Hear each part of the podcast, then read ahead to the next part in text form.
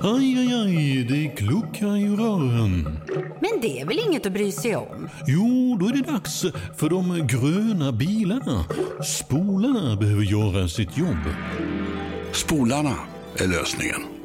Ah, hör du? Nej, just det. Det har slutat. Du lyssnar på en podcast från Expressen. Ansvarig utgivare är Thomas Mattsson.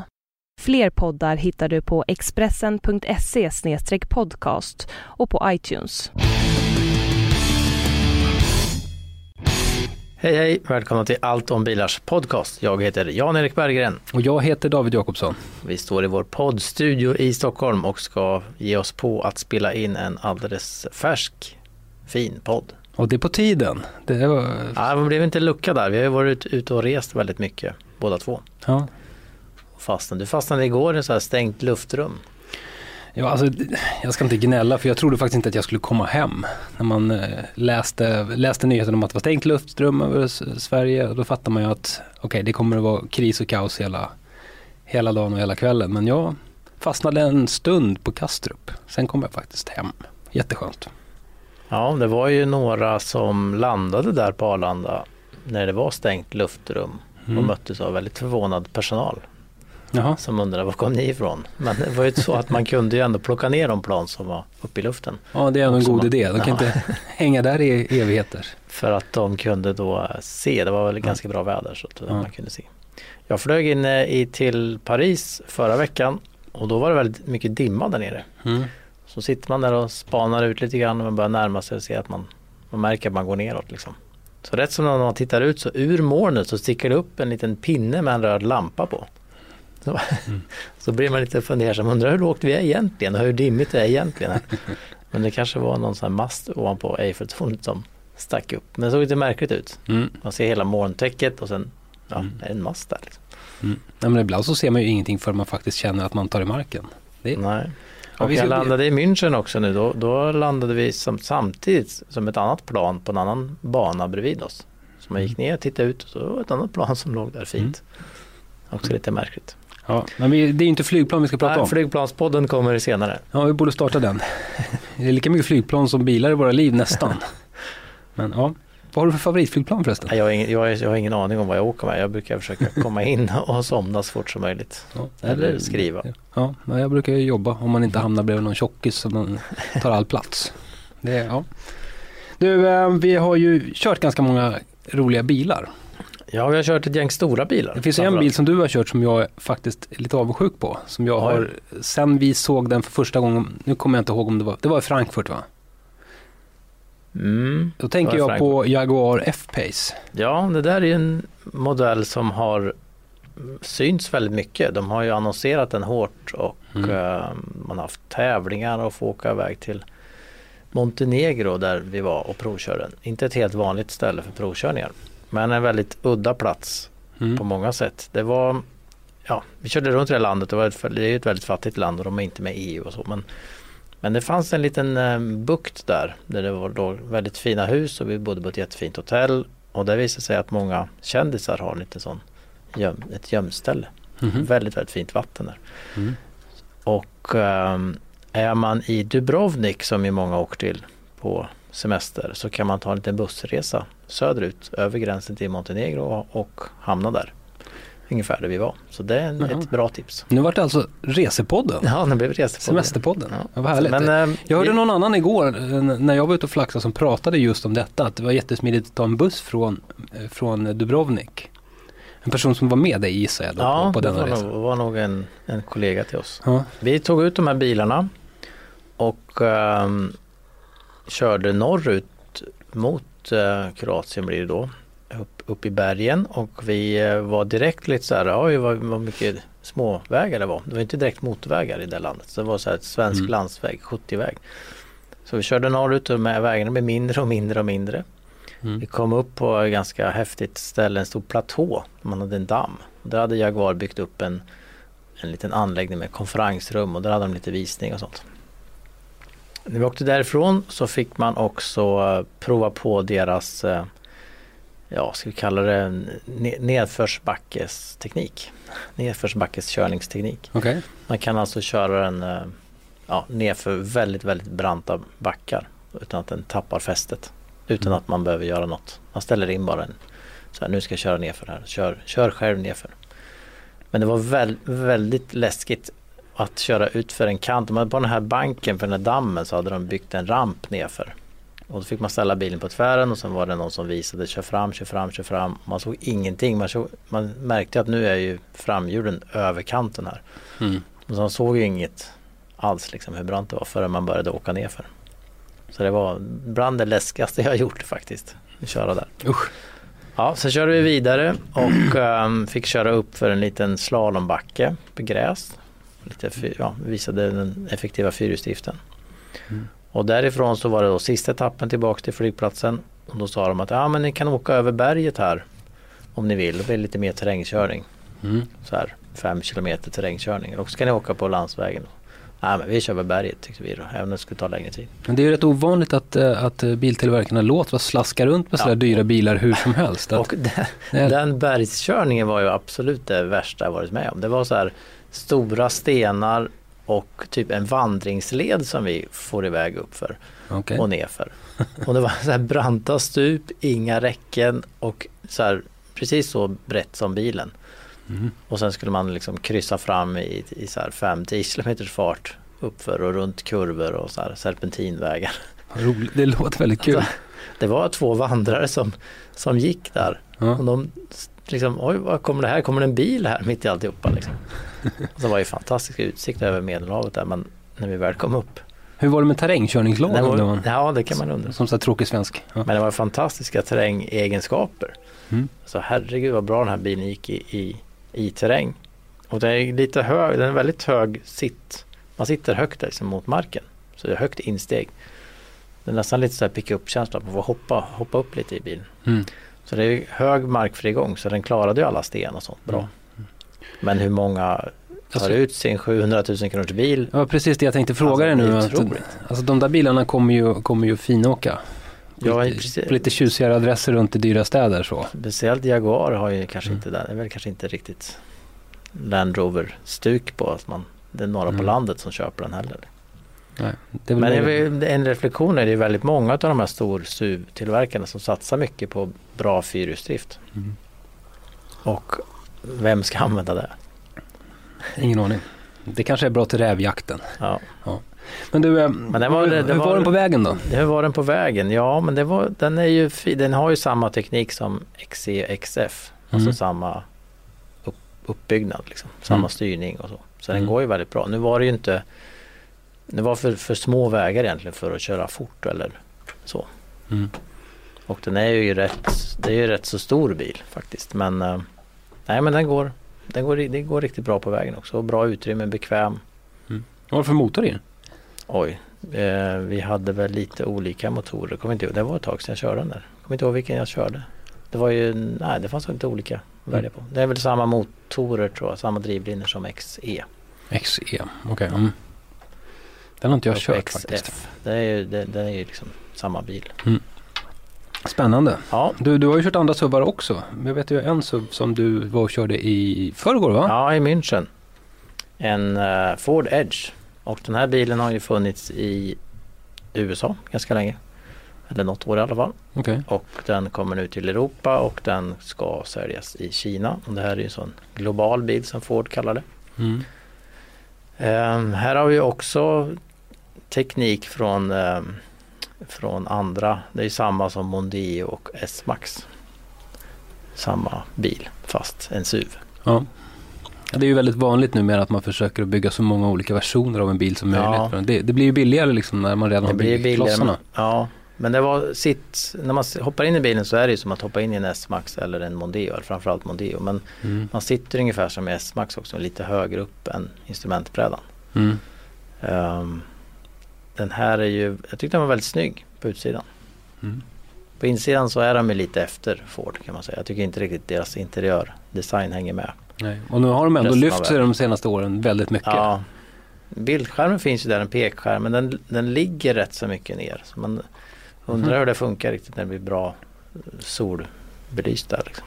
Mm. Ligger mycket mer ner än andra motsvarande. Och så kan man peka på den eller sköta det lite med, med reglage också. Ehm, den var ju rätt så rym, väldigt, väldigt bekväm. De har ju kommit med en teknik som ska reducera bort vindbrus. Mm. Ungefär som sådana här hörlurar med brusreducering. Mm. Så den blev väldigt tyst faktiskt. Det finns ju andra som bygger bilar som inte brusar så mycket av sig själva. Där kan man störa ut ljudet istället. Ja. ja. Eh, två liters diesel körde vi med 210 hästar. Mm. Dubbelturbo, det finns samma, det är samma diesel i botten som S-Max var den här på 180 hästar. Det Mm. finns den också till den här. Vi körde en sexväxlad automatlåda Mm. som ju var lite väl seg. Motorn var inte, upplevdes väldigt seg faktiskt. Mm. Inte helt så här rapp. Den hade behövt liksom en snabbare, snabbare reaktioner. Man satt lite och längtade efter en bensinmotor som inte kommer till Europa. Det finns i USA men i Europa Mm. kommer bara den här två dieselvarianterna. Mm. Så den, den, men, ja, det kändes som att den hade behövt liksom en lite snabbare, rappare motor. Men en sak som den också behöver, som jag förstår att den inte har, det är ju en extra sätesrad. Nej precis, den är femsitsig men väldigt stor, stort bagageutrymme. Nu kommer, alltså, nu, taklinjen går ner ganska hårt och Mhm. väggarna går in ganska mycket. Så att utrymme, när man öppnar så upplever man att wow vilket långt och stort lastutrymme. Men det Mm. kommer bli problem om man har höga saker. Om man till exempel drar in en hundbur så kommer den inte riktigt att få plats tror jag på höjd. Alltså den kommer att ta plats på höjden liksom. Den kommer att behöva stå i mitten. Så att den är, lastutrymmet är ju stort långt ner men inte så stort högre upp då. Kan man enkelt uttrycka det. Okej. Så att eh, ja, det går nog in mycket volym om man, om man ska fylla med vatten men, men eh, oftast har man ju väskor och sånt som kommer att ta i. Mm. Man får packa det ordentligt. Men det var riktigt, det var stort baksäte också. Mm. Rymlig. Och i Kina har man då istället en annan taklinje. Så den är liksom lite högre längre bak. Okej. Bara för att de ska kunna sitta längre bak och vara ännu, ännu mer utrymme. Mm. Ehm, men det blir ju det är ett litet problem det där. Det, det, det blir som jag skrev i texten en liten kompromiss. Det ska den då säljas i USA, Kina, Europa. Som ju har helt olika typer av körning. Mm. Och sen ska den då ta med sig teknik från S-Max och Mondeo. Och överlag så känns det som att Ford börjar bli väldigt mycket fokus på amerikansk körstil och köregenskaper. Mm. Även om de säger tvärtom när de nu lanserar bilen. Här är ju så rolig att köra, det är så fantastiska köregenskaper. Jo men man känner ju att bilen vill vara på en amerikansk motorväg. Eller det ju i. Los Angeles där det är raka vägar in i stan. Visst. Jag tycker Mondeo är ett exempel på det. Den, Ja. är, den är ju liksom mjukare än sina konkurrenter. Och, Ja, och sådär. Den är mer amerikansk på det sättet. Och vi körde ju väldigt mycket småvägar i, runt München. Mm. Mycket så här korsning, ta vänster, två kilometer ta höger, upp och ner i fart, fram och tillbaks. Fram och tillbaka mellan marksfälten där. Ja, Ja. och det, då så här, då att till slut så bara, men det, det, går, det, det går ju inte att köra med den här bilen liksom. Man vill bara så här, snälla släpp ut oss på autobahn så jag kan Mm. åka upp i 140 och låta den vara där. Liksom. Mm. Den Eh, tung. De har ju den här adaptiva styrningen som är smart. Alltså om man kör långsamt så behöver man inte vrida så mycket på ratten för att hjulen ska, ska, ska vridas mer. De har en liten motor i, Mm. in i ratten som ändrar utväxlingen så när man, ju, när man kör långsamt. mm. Och det kan ju tyckas, och det, det är ju smart. Man behöver, den är ju smidig på det sättet när man är på parkeringar och så. Men det var ändå tungstyrd liksom, som jag tjatat om tidigare, runt neutralläge. När man sitter liksom och kör och bara behöver justera lite så Mm. är den ju faktiskt ganska tung i, i armen.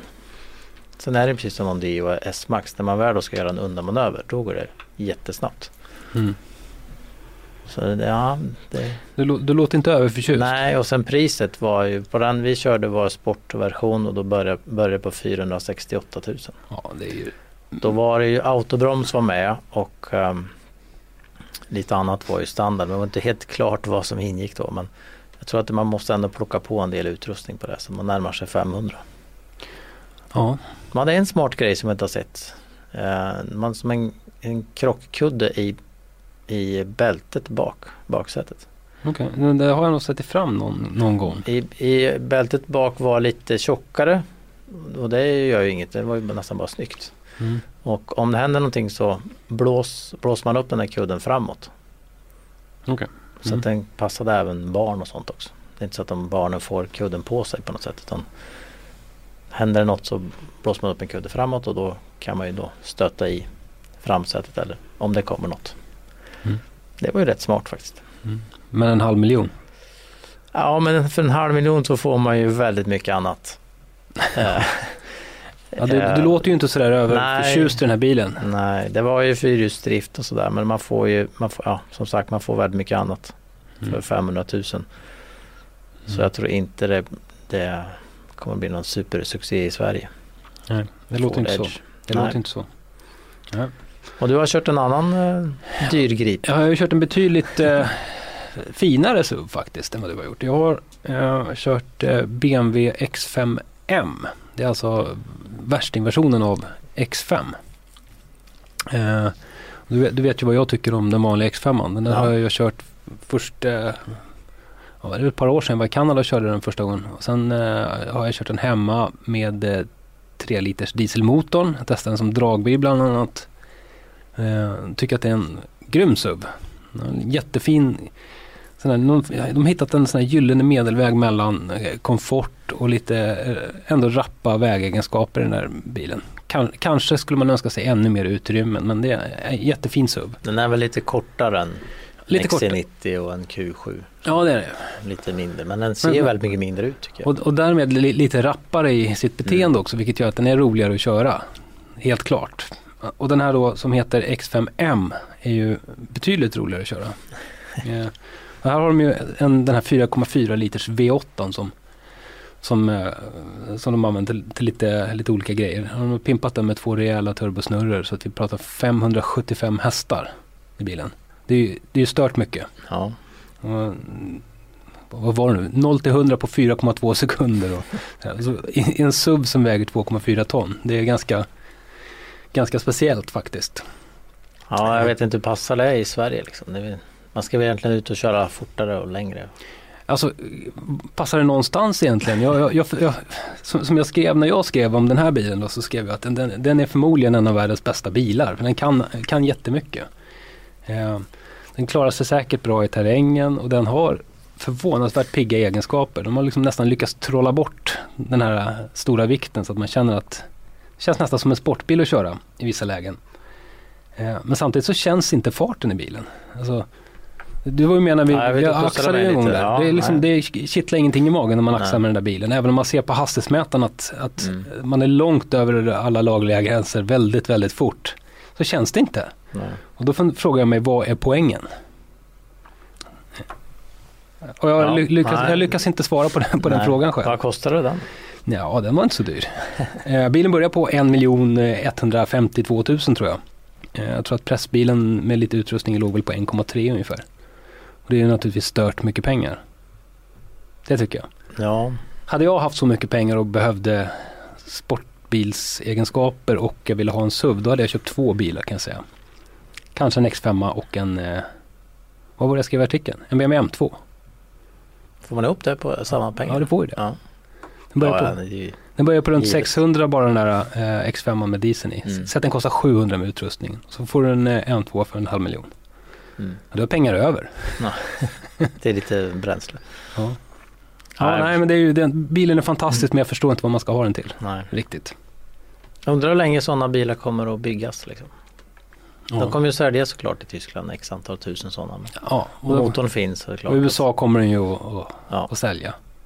Men det är fortfarande ett stort folk jätteintresse för Bentley Bentayga till exempel. Mm. Och för eh, Porsche Nej, men jag tänker just att, Cayenne. eh, Jo men de är ju bara de. Men jag tänker att, att eh, BMW liksom när de börjar kapa i ändarna på modellutbudet. Mm. När de tycker att det där är för få. Mm. Men sen ska de ju ha någon som sticker ut också som är liksom flaggskeppet som de visar upp. De, Uppenbarligen. ju, de säljer säkert ett antal andra X5 bara för att den här finns och Mm. folk har lagt märke till den. Förmodligen. Läst om den. Förmodligen. Men de har förmodligen eh, också eh, riktigt bra marginaler på de här dyraste varianterna. Tittar på, kan de sälja en, eh, i princip samma bil med, med eh, en 3 liters diesel för 600 000. Så det är dubbelt så mycket då för att den här motorn ska Ja. sitta i. Det är klart att det är andra stötdämpare och sådana grejer. ja, men, det, men vi snackar ju ändå liksom 600 000 kronor extra Mm. för den här prestandan. Och det är ju helt bisarrt. Ja. Och sen vet jag inte. Det, sen det, det kommer väl en dag när den motorn inte finns på hyllan heller att plocka ner och sätta i. Om ja, man inte har den till 7-serie eller ja, precis. 6-serie eller M5 eller något. precis. Det kommer väl att bli till en början med någon slags hybridvariant då. Mm. Kanske till och med nästa X5M är en hybrid. Jag vet inte. Det borde det vara. Ja. Eftersom de har börjat nu verkligen gasa på hybridtekniken. Mm. BMW. Ja, nej men det är en fantastisk bil som eh, låtsas vara en sportbil. Men Ja. BMW har tappat i försäljning nu. De, de eh, är omkörda av Mercedes i premiumkampen. Mhm. Audi mot BMW mot Mercedes.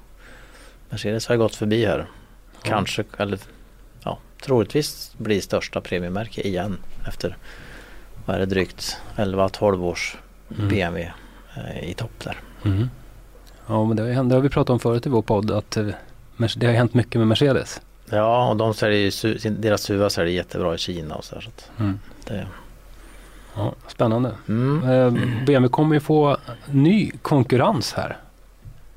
Från en eh, tillverkare som anser sig vara premium nu. Jag tänker på Alfa Romeo. Ja. Alfa Romeos, ska vi säga sista, nionde och sista liv Ja, spelas ut nu. ja det kanske är så. Sergio Marchionne spelar ut sitt sista kort kanske. Det har vi sagt förut med Alfa Romeo men de har ju då byggt en ny plattform Ja, och första bil är eh, Julia. precis.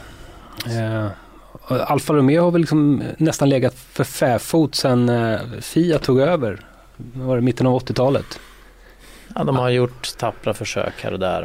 Med Det har dykt upp en och annan Fiat-chef som har sagt att nu ska vi ta tag i det här med Alfa Romeo. Men det har ändå blivit lite, Julietta var väl ett halvdant försök sådär. ja, 156an blev ju en hyfsad framgång i alla fall på Ja. 90-talet. Men det var kanske inte vad man egentligen tänker sig med en Alfa Romeo.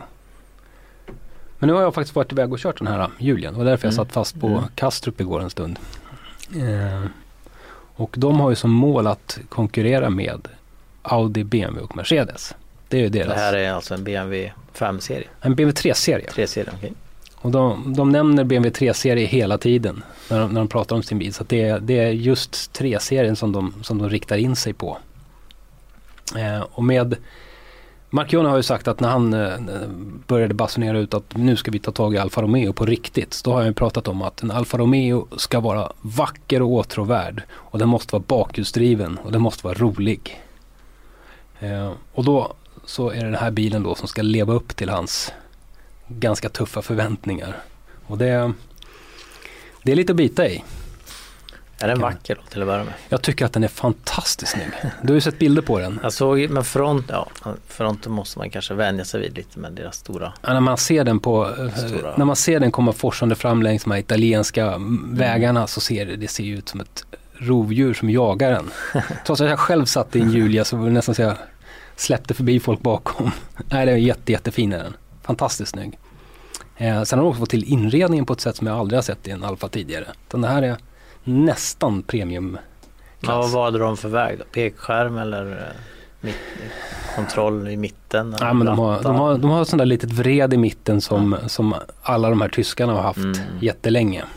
Eh, sen var det en ganska, kan säga så här, kvaliteten på den här skärmen kändes väl kanske inte riktigt top of the line. Men, eh, men i, i övrigt så var det en jättefin bil inuti. Jag kan väl gnälla lite på att det knirrade och knarrade lite här och där så där om inredningen. Men På tal om bildskärm, det kommer ju bli en stor skillnad tror jag mellan bilar i framtiden. Alltså Oh ja. hur, hur bra, hur snabb skärmen är och hur bra upplösningen Ja är. men det är det redan. Du sätter dig i en, en bil med riktigt bra skärm, då känns det direkt att det är, no, det är Mm. skillnad. Sätt dig i en Merca E-klass nu till exempel. Ja, Eller, vi har tjatat om reglage och knappar förr eller Ja. en liksom skinnklädsel så kommer man, "Ha, vad är det för skärm? Hur Ja. snabb är den? Hur Ja. stor är den? Precis. Hur bra Mm. ser man på den?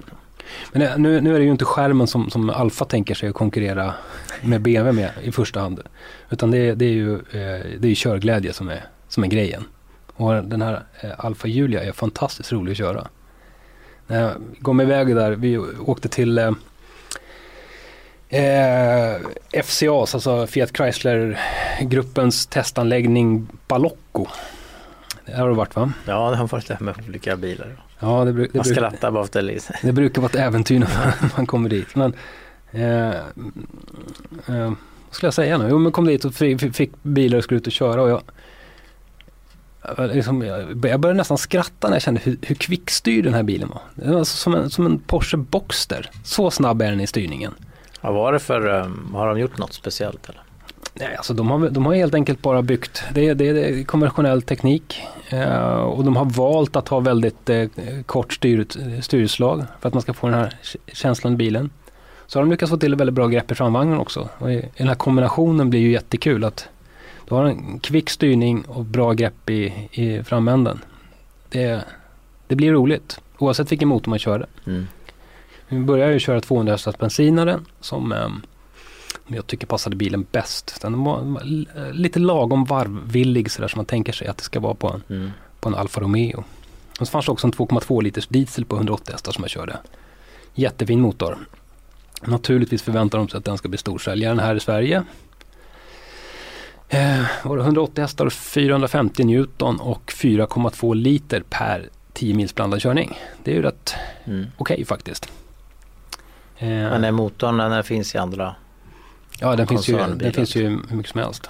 Ja. Eh, sen så fick jag ju faktiskt smaka lite grann på ytterligare en motor. Och det är den helt nyutvecklade V6 på 2,9 liter som sitter i den här eh, Quadrofolio-varianten. Alltså motsvarigheten till eh, BMW M3 kan man säga. Bara att den här är starkare än vad M3 är. Här är 510 hästar i den där lilla bilen. Det var den som de visade förra sommaren Ja. som första Precis. Julia av alla. Liksom. Mm. Och det är ingen... Och det var några som körde den då faktiskt. Ja, lyckliga de, för det är ganska Ja. kul att köra den faktiskt. Eh, men att de visar den först är inte bara för att väcka uppmärksamhet utan faktiskt den bilen som fanns först. Mm. De har, eh, De var väl lite försenade, va? eller väldigt mycket försenade, något halvår försenade med produktionsstarten. mm, ryktades om problem där. mm, ja, de har haft, de, det har varit liksom eh, rena vilda västern där som är, så jag förstår det. Jag återkommer till det snart. Men en, en spännande grej är att de har valt det första de byggde var prestandaversionen av bilen. De började så att säga med sin BMW M3. Mm. Så byggde de den till de var nöjda med den. Och sen byggde de eh, standardbilarna utifrån den. Inte tvärtom som, jag- som jag tror är betydligt vanligare, att man bygger Mm. en standardbil och sen så vässar man till den. Eh, och det gjorde de väl för att de ville ha de här pigga styregenskaperna och allt det där i alla bilar i, i serien så att säga. Och de har, de har verkligen gått all in på det här. De har lyft över eh, de duktigaste motorbyggarna från eh, Ferrari. Jag satt och snackade en stund med en kille som har byggt en motor till Ferrari F430 till exempel, varit inblandad i Mm. 458 och sådär. De, de, han hade blivit överlyft till Alfa Romeo för att liksom, det här måste vi få till på riktigt. Så att säga. Så det är massa Ferrari know-how i, i den där bilen.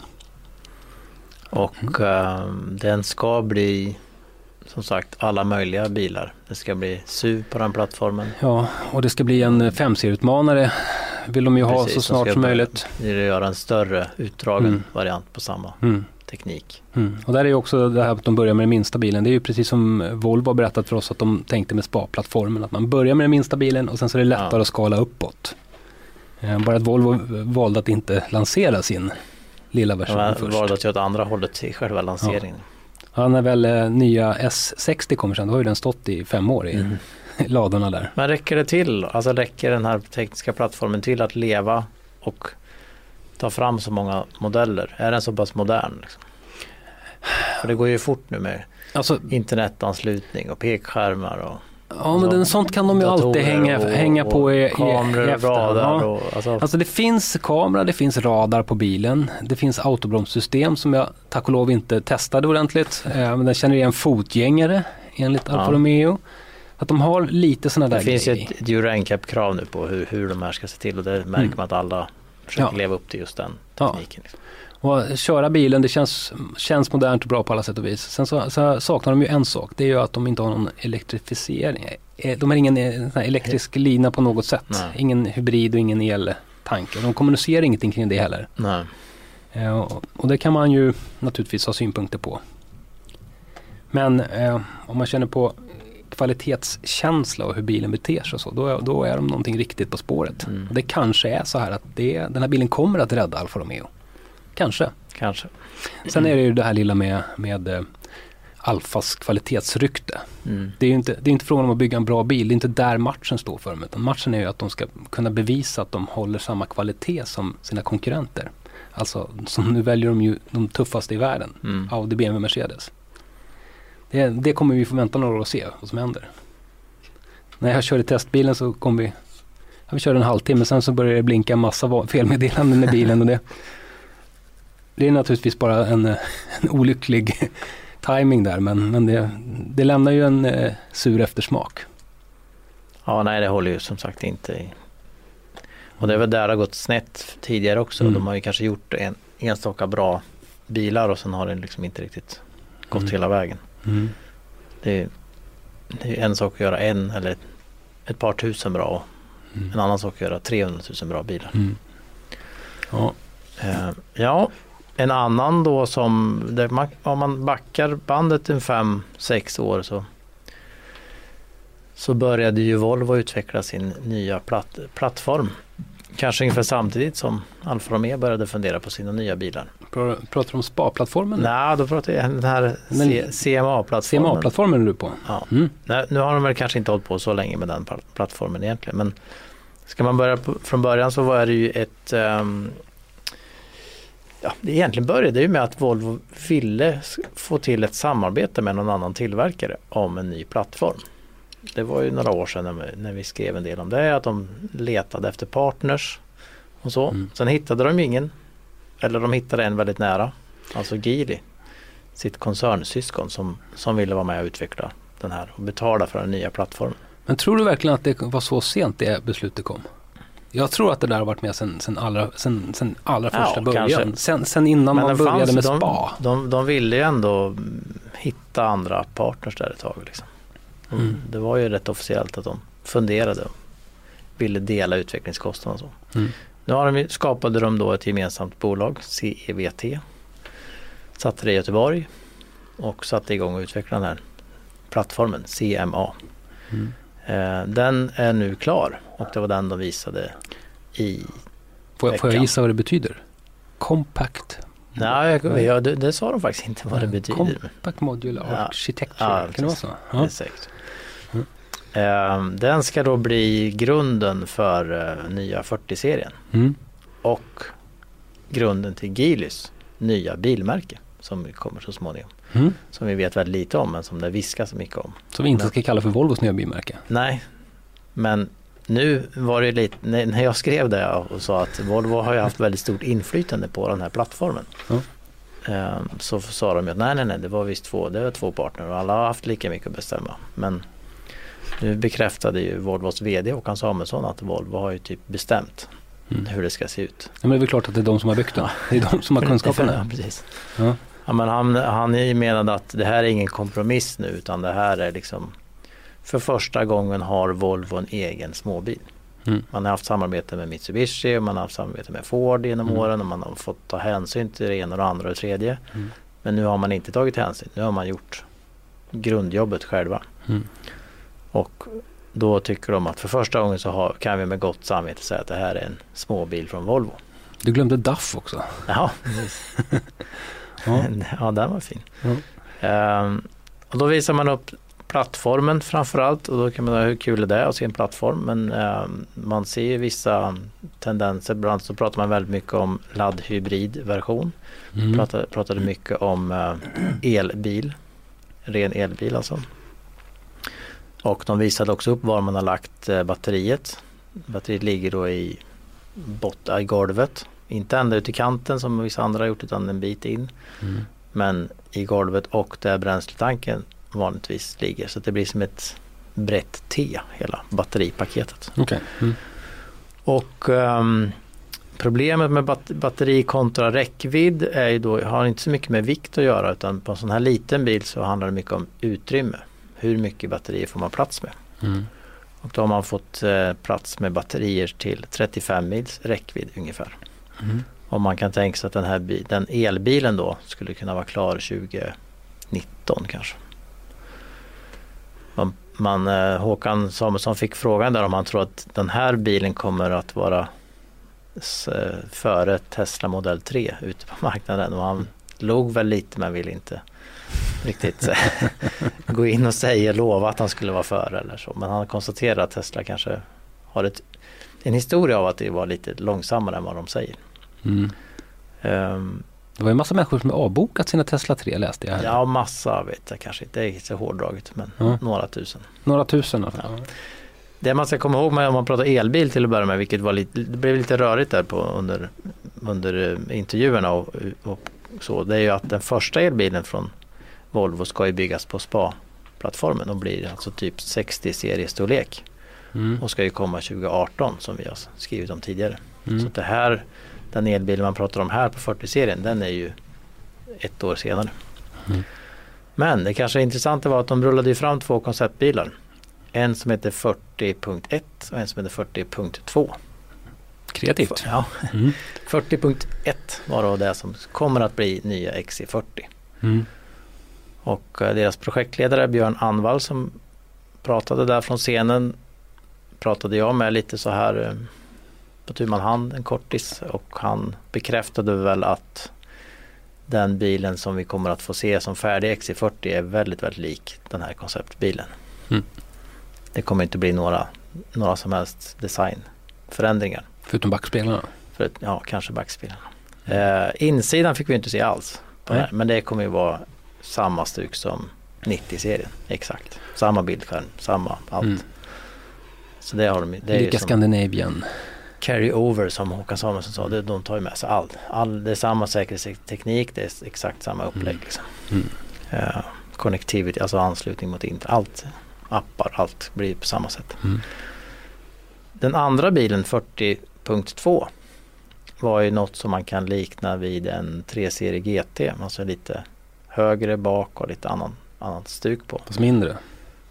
Eh, mindre än 3-serie GT? Ja, var det inte det? Ja, kanske. Den var ju den var inte riktigt färdig men, men eh, där skulle man då bestämma sig rätt så nu inom kort. Mhm. Om bilen efter XC40 kommer att vara en ren V40, alltså en kombi eller något annat. Mhm. Och vad den då ska heta har man inte bestämt. Däremot så visade man att det kommer ingen ren sedanmodell. Det kommer alltså ingen S40. Nu kanske den här nya kommer heta någonting med S i alla fall. Eller? Men det kommer liksom ingen liten sedan. Den har de plockat bort. Mhm. Håkan Samuelsson gillade just den här 40.2 varianten. Den, den, det stuket var hans favorit. Kanske kan heta GT40 då? Ja, Känner vi igen från Ford. ja precis. uh, nej, men det var väl det, det var, det var liksom intressant trend. Det var väldigt mycket el, snack Mm. På alla sätt. Bara framhöll det hela tiden.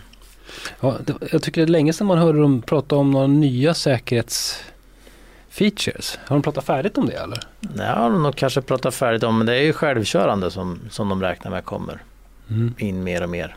Deras autopilotvariant liksom. Och det kommer också i 40-serien? Kan Ja. man, ja.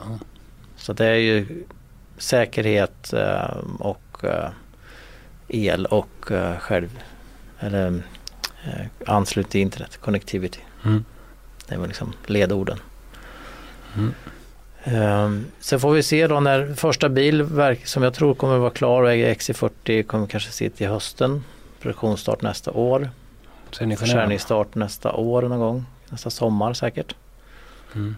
Eh, Du har ju sett bilder, vad gillar du? XC40? Eh, alltså jag tycker nästan att det såg ut som en konceptbil. eh, alltså att Det den, är väldigt väl- annorlunda. att den är väldigt nära eh, som den kommer att se ut. Det förvånar mig faktiskt. För jag trodde att den skulle komma att se lite mesigare ut faktiskt.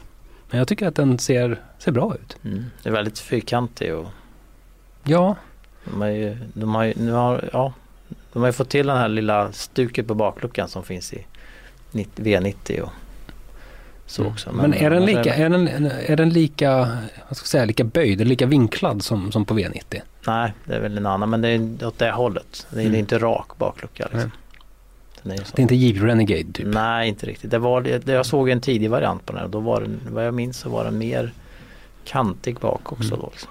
Men det är väldigt mycket plåt bakom här.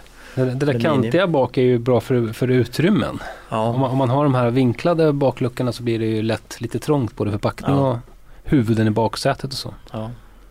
Ja. En kompromiss såklart. Det måste Mm. göra.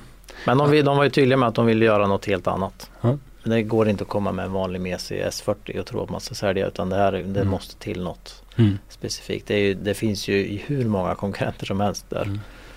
Mm. Och så går, de, de måste gå en egen väg liksom, Mm. även med designen. Men pratade de om fyrhjulsdrift på de här bilarna också? Nej, Det de pratar de inte om. De var inte så, det var inte så, så detaljerat. Men det kan vi bara förutsätta eller? Eh, Men du, eh, eh, men de visar ganska gott, gott humör. Stort självförtroende. ja men det har de pratar ju. mycket näthandel också. Att de tror att det, att det går mot att man kommer att eh, beställa och specificera sin bil på nätet och sen kommer man att välja en, ett utskeppningsställe. Mhm. Återförsäljarna får hålla, hålla till godo med att skeppa nya bilar och ta hand om service och begagnat. Mm. Eh, Tesla pratas det mycket om såklart och Model 3 framgångar med, med dem och de har, har så många orders trots att, att bilen inte är klar. Mm, De har ju sin egen eh, erfarenhet av XC90. som- Precis, som- de nämnde ju det att vi så, de sålde ju då 50 000 XC90 utan att bilen fanns. Mm. Men som de påtalade så deras bil var ju klar. Till Mm. skillnad från Tesla. så de, men eh, de tyckte att det var en bra variant. Ja, Absolut. det klart. det skulle de gärna göra igen på något sätt. Ja, det är väl fantastiskt att få, få in lite pengar De också får in kanske. lite pengar och de fick ju då um, lite in, ja, fing, fingervisning om vad kunderna är intresserade av. Mm. Och sen som jag tänker att om de har om, om man spesar och beställer sin bil hos Volvo direkt på nätet så får de ju snabbt indikationer på vilken utrustningsnivå, vilken färg, vilken klädsel, Mm. vilken skärm Mm. är, är mest populär och de kan Mm. snabbt styra då mot underleverantör att vi Mm. måste ha fler skinnklädslar från Skottland. Liksom. Köp några fler kor och. Se till att det finns. För där gjorde de ju en miss på XC90. Man var ju för, för, för mesig i sin, sin spes liksom, mot underleverantören. Tänkte att man skulle sälja Ja, eh, sneakvarianterna. sneakvarianter och det gjorde man ju inte. Så det är dyra bilar. Alla vill ju ha fullutrustat. Ja, mm. Så där kan jag tänka mig att de kommer bara älska att få ännu mer kontroll över utrustningsalternativ om de Mm. kan ta det direkt, inte via återförsäljaren. Mm. Och som Håkan sa där under intervjun, det är, vi, det är ju lättare att hålla olika varianter och utrustningspaket aktuellt på en hemsida än att lära en hel återförsäljarorganisation att nu går det att spesa den så här, nu kommer den med den, nu Mm. kommer det en fyrhjulsdrift med den här, de här hjulen eller Mm. Ja. Sen har du ju eh, en kostnad med de här återförsäljarna. De vill ju naturligtvis inte sälja Volvobilar gratis. Nej, precis. Och det, ja. Men sen kan man tänka vad händer med de här jättestora bilhallarna? Om, finns de om fem år med jättemånga bilar stående? Nya Mm. bilar. Mm. Om det blir utskeppningsställen. ja men det, jag tror ju fortfarande att det, är- det är en bit Du envist tror på återförsäljare. Ja, ja, jag tror ju det. Eftersom att man, man i undersökning efter undersökning ser att, att de bilarna som eh, finns representerade på orten hos den lokala handlaren, de, de tenderar till att ligga bra till i försäljningen lokalt. Sådär att man, om, om, man, om man känner till eh, Berggrens bil i, Mm. i Karlskoga, där, där har vi ju alltid köpt bil i vår familj. Då, om, om han plötsligt börjar sälja Subaru, då köper man ju en Subaru liksom. Ja, nu är det Peugeot som är det, ja, men köper vi Peugeot. Ja, Det är lite så. lite så är det. Men det är mycket på gång i alla fall på den, den Mm. kanten. Och det är ju, Mm. var ju nytt hos Volvo att de så öppet pratar om den trenden och Mm. öppet pratar om elbilar och elektrifiering. De har ju bestämt väg där. Mm. Och det erkände Håkan Samuelsson att vi vi har ju om vi förut har haft lite avvaktande inställning och tänkt att det där ska vi titta närmare på. Vi får se åt vilket håll det går. Och Mm. Så har de nu så här tydligt bestämt det är det här vi ska göra. Mm. Det är inte bränsleceller, det är inte etanol, det är inte en gas. Ja. Det kanske kommer det också så småningom som varianter men det är el de ser framför sig. Det är, ju spännande för det finns ju andra betydligt större tillverkare som, som nu börjar tänka att de ska gå ifrån det här med hybrider och sånt där. Jag tänker på Toyota. Som de, har ju, de, de tror ju inte på batteribilar. Nej, de gör ju inte det. De, de tror ju på sin Mirai, sin eh, bränslecellsbil. Ja, Mm. ja nej, spännande. spännande. Du, eh, du har ju tittat ganska långt in i framtiden här nu på, på Volvo. Det är ju flera år bort de här 40 bilarna. Eh, det är någonting som händer mycket närmare i tid som kanske är ännu intressantare. Ja, jag skrev en text som kommer i tidningen imorgon om att det är ju om en dryg vecka det verkligen är allvar för Volvo. Det är då testkörningarna på nya S90 V90 Mm. inleds. Mm. Och de har valt att hålla till i Spanien, Mm. Estepona, alltså södra Spanien, Malaga-området. Och med tanke på att jag inte ska dit så gissar jag att du ska det. Ja, Ja. eh, Årets Biljuryn är inbjuden att vara där en dag före alla andra. Så att eh, om vi lyckas eh, bra så ska ni få läsa allra första testet av nya V90. Allra, allra först på vår hemsida. Mm. Så det ser vi fram emot. Jag har ju kört S90 på snö men det ska bli kul att se hur den uppträder på asfalt. Mm. Det ska väl inte vara några överraskningar men, men det finns ju alltid ett moment där om, om den är för bullrig kanske, hur de har löst ljudisoleringen med en, med en annan typ av kupé jämfört med X90. Mm. Om motorerna är liksom vältrimmade till den, Mm. den storleken på bil. Om den upplevs lång och klumpig kanske. Den väger ju mindre än XC90. Ja, nej, ja precis. Det kommer ju... Men, hur man, känner man att man har släpat på en lång bil eller, Mm. eller funkar den bra liksom? Så det finns väl några frågetecken och det ska bli spännande att se hur de får till. Eller finns det till och med någon nyhet kanske? Vem vet. Eh, jag ska läsa med stort intresse i alla fall. Ja, vi ska hålla på där i eh, ja, en och en halv dag ungefär. Mm. Jag har bokat spä- några spännande intervjuer också så vi ska kunna komma hela det här 90-projektet ännu lite närmare. Mm. Få veta mer om vad de, hur de tänker sig. Sen är det kul med att, att de har väl öppet nu nästan sagt att de vill göra någon, någon slags häftigare bil på, på 90-plattformen. Just det. Den här nästa P1800. Ja just det, P1800 som någon kallade den. Ja. Men det har de ju pratat om rätt länge. Eh, Peter Mertins, Mertens, han är Mm. väl heter det? Utvecklingschef. utvecklingschef. Han sa ju det till oss för, redan för ett par år sedan. Att ja, men Mm. först måste vi ta hand om det befintliga modellprogrammet. Sen ska vi börja titta på sexigare bilar som han uttryckte det.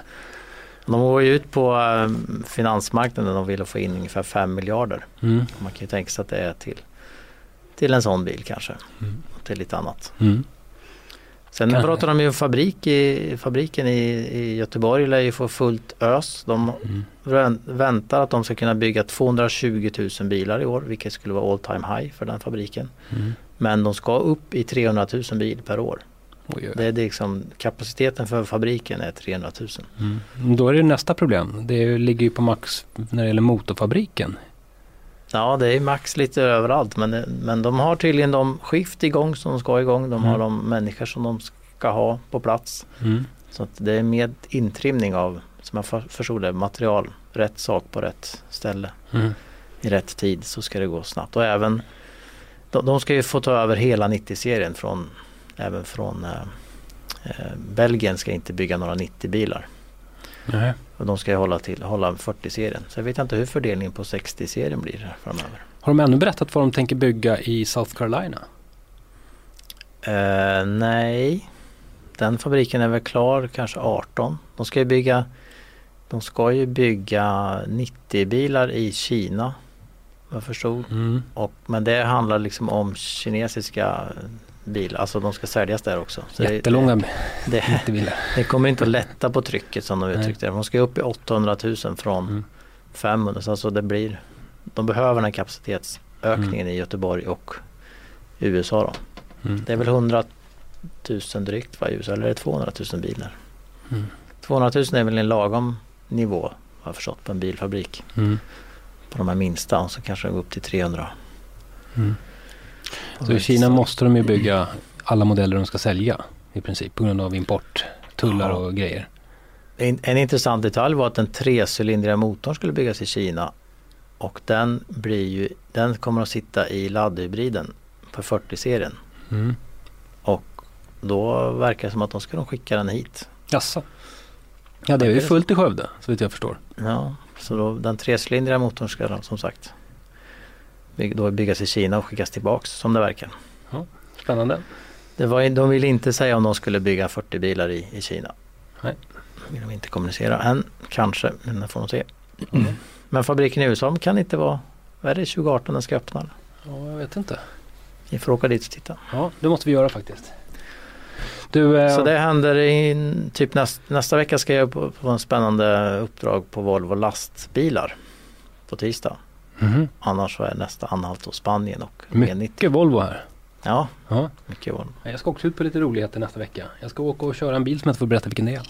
ännu. Just det, den bilen. Som jag faktiskt redan har kört under vintertest. Eh, jag hoppas att nästa podcast får jag äntligen berätta om den här bilen. Så spännande är det inte som det, som det kan verka men det ska bli roligt.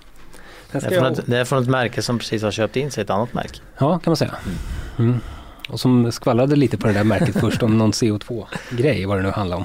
Ja, eh, jag ska faktiskt först åka till eh, München på tisdag och där ska jag få titta på lite uppdaterade A3or.